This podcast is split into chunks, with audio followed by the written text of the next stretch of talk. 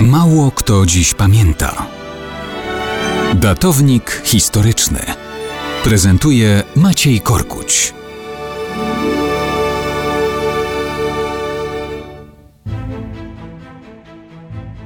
Mało kto dziś pamięta o nieproszonej wizycie u biskupa warmińskiego, jaka miała miejsce 3 stycznia 1841 roku we Fromborku. Biskup Andrzej Stanisław von Hatten-Hatyński był sędziwym, szanowanym duchownym. Pochodził z zasiedziałej warmińskiej szlachty. Urodził się jeszcze przed rozbiorami, kiedy Warmia była w granicach Rzeczypospolitej. Uczył się i studiował w Warszawie i Braniewie. Potem w Rzymie zrobił doktorat i przyjął święcenia kapłańskie. Powrócił w rodzinne strony, stając się kapelanem naszego bajki piszącego biskupa Ignacego Krasickiego. Sam biskupem został już w roku 1800.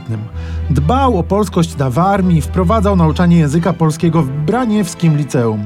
Przeżył prawie 80 lat, kiedy w jego progach zjawił się intrus. Jest noc, 3 stycznia 1841 roku.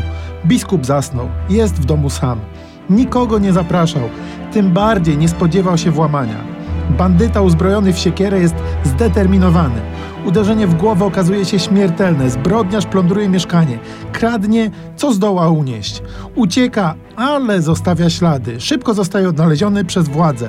Okazuje się, że to dwudziestokilkuletni pomocnik krawiecki Rudolf Kuchnapfel. W jego mieszkaniu bez trudu zostają odnalezione skradzione przedmioty.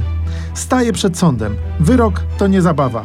Śmierć przez łamanie kołem. Niedługo potem ginie w męczarniach, ale biskupowi życia już nikt nie wróci. Taki był finał fromborskiego nieproszonego najścia na świętej pamięci biskupa von Hatten Hatyńskiego.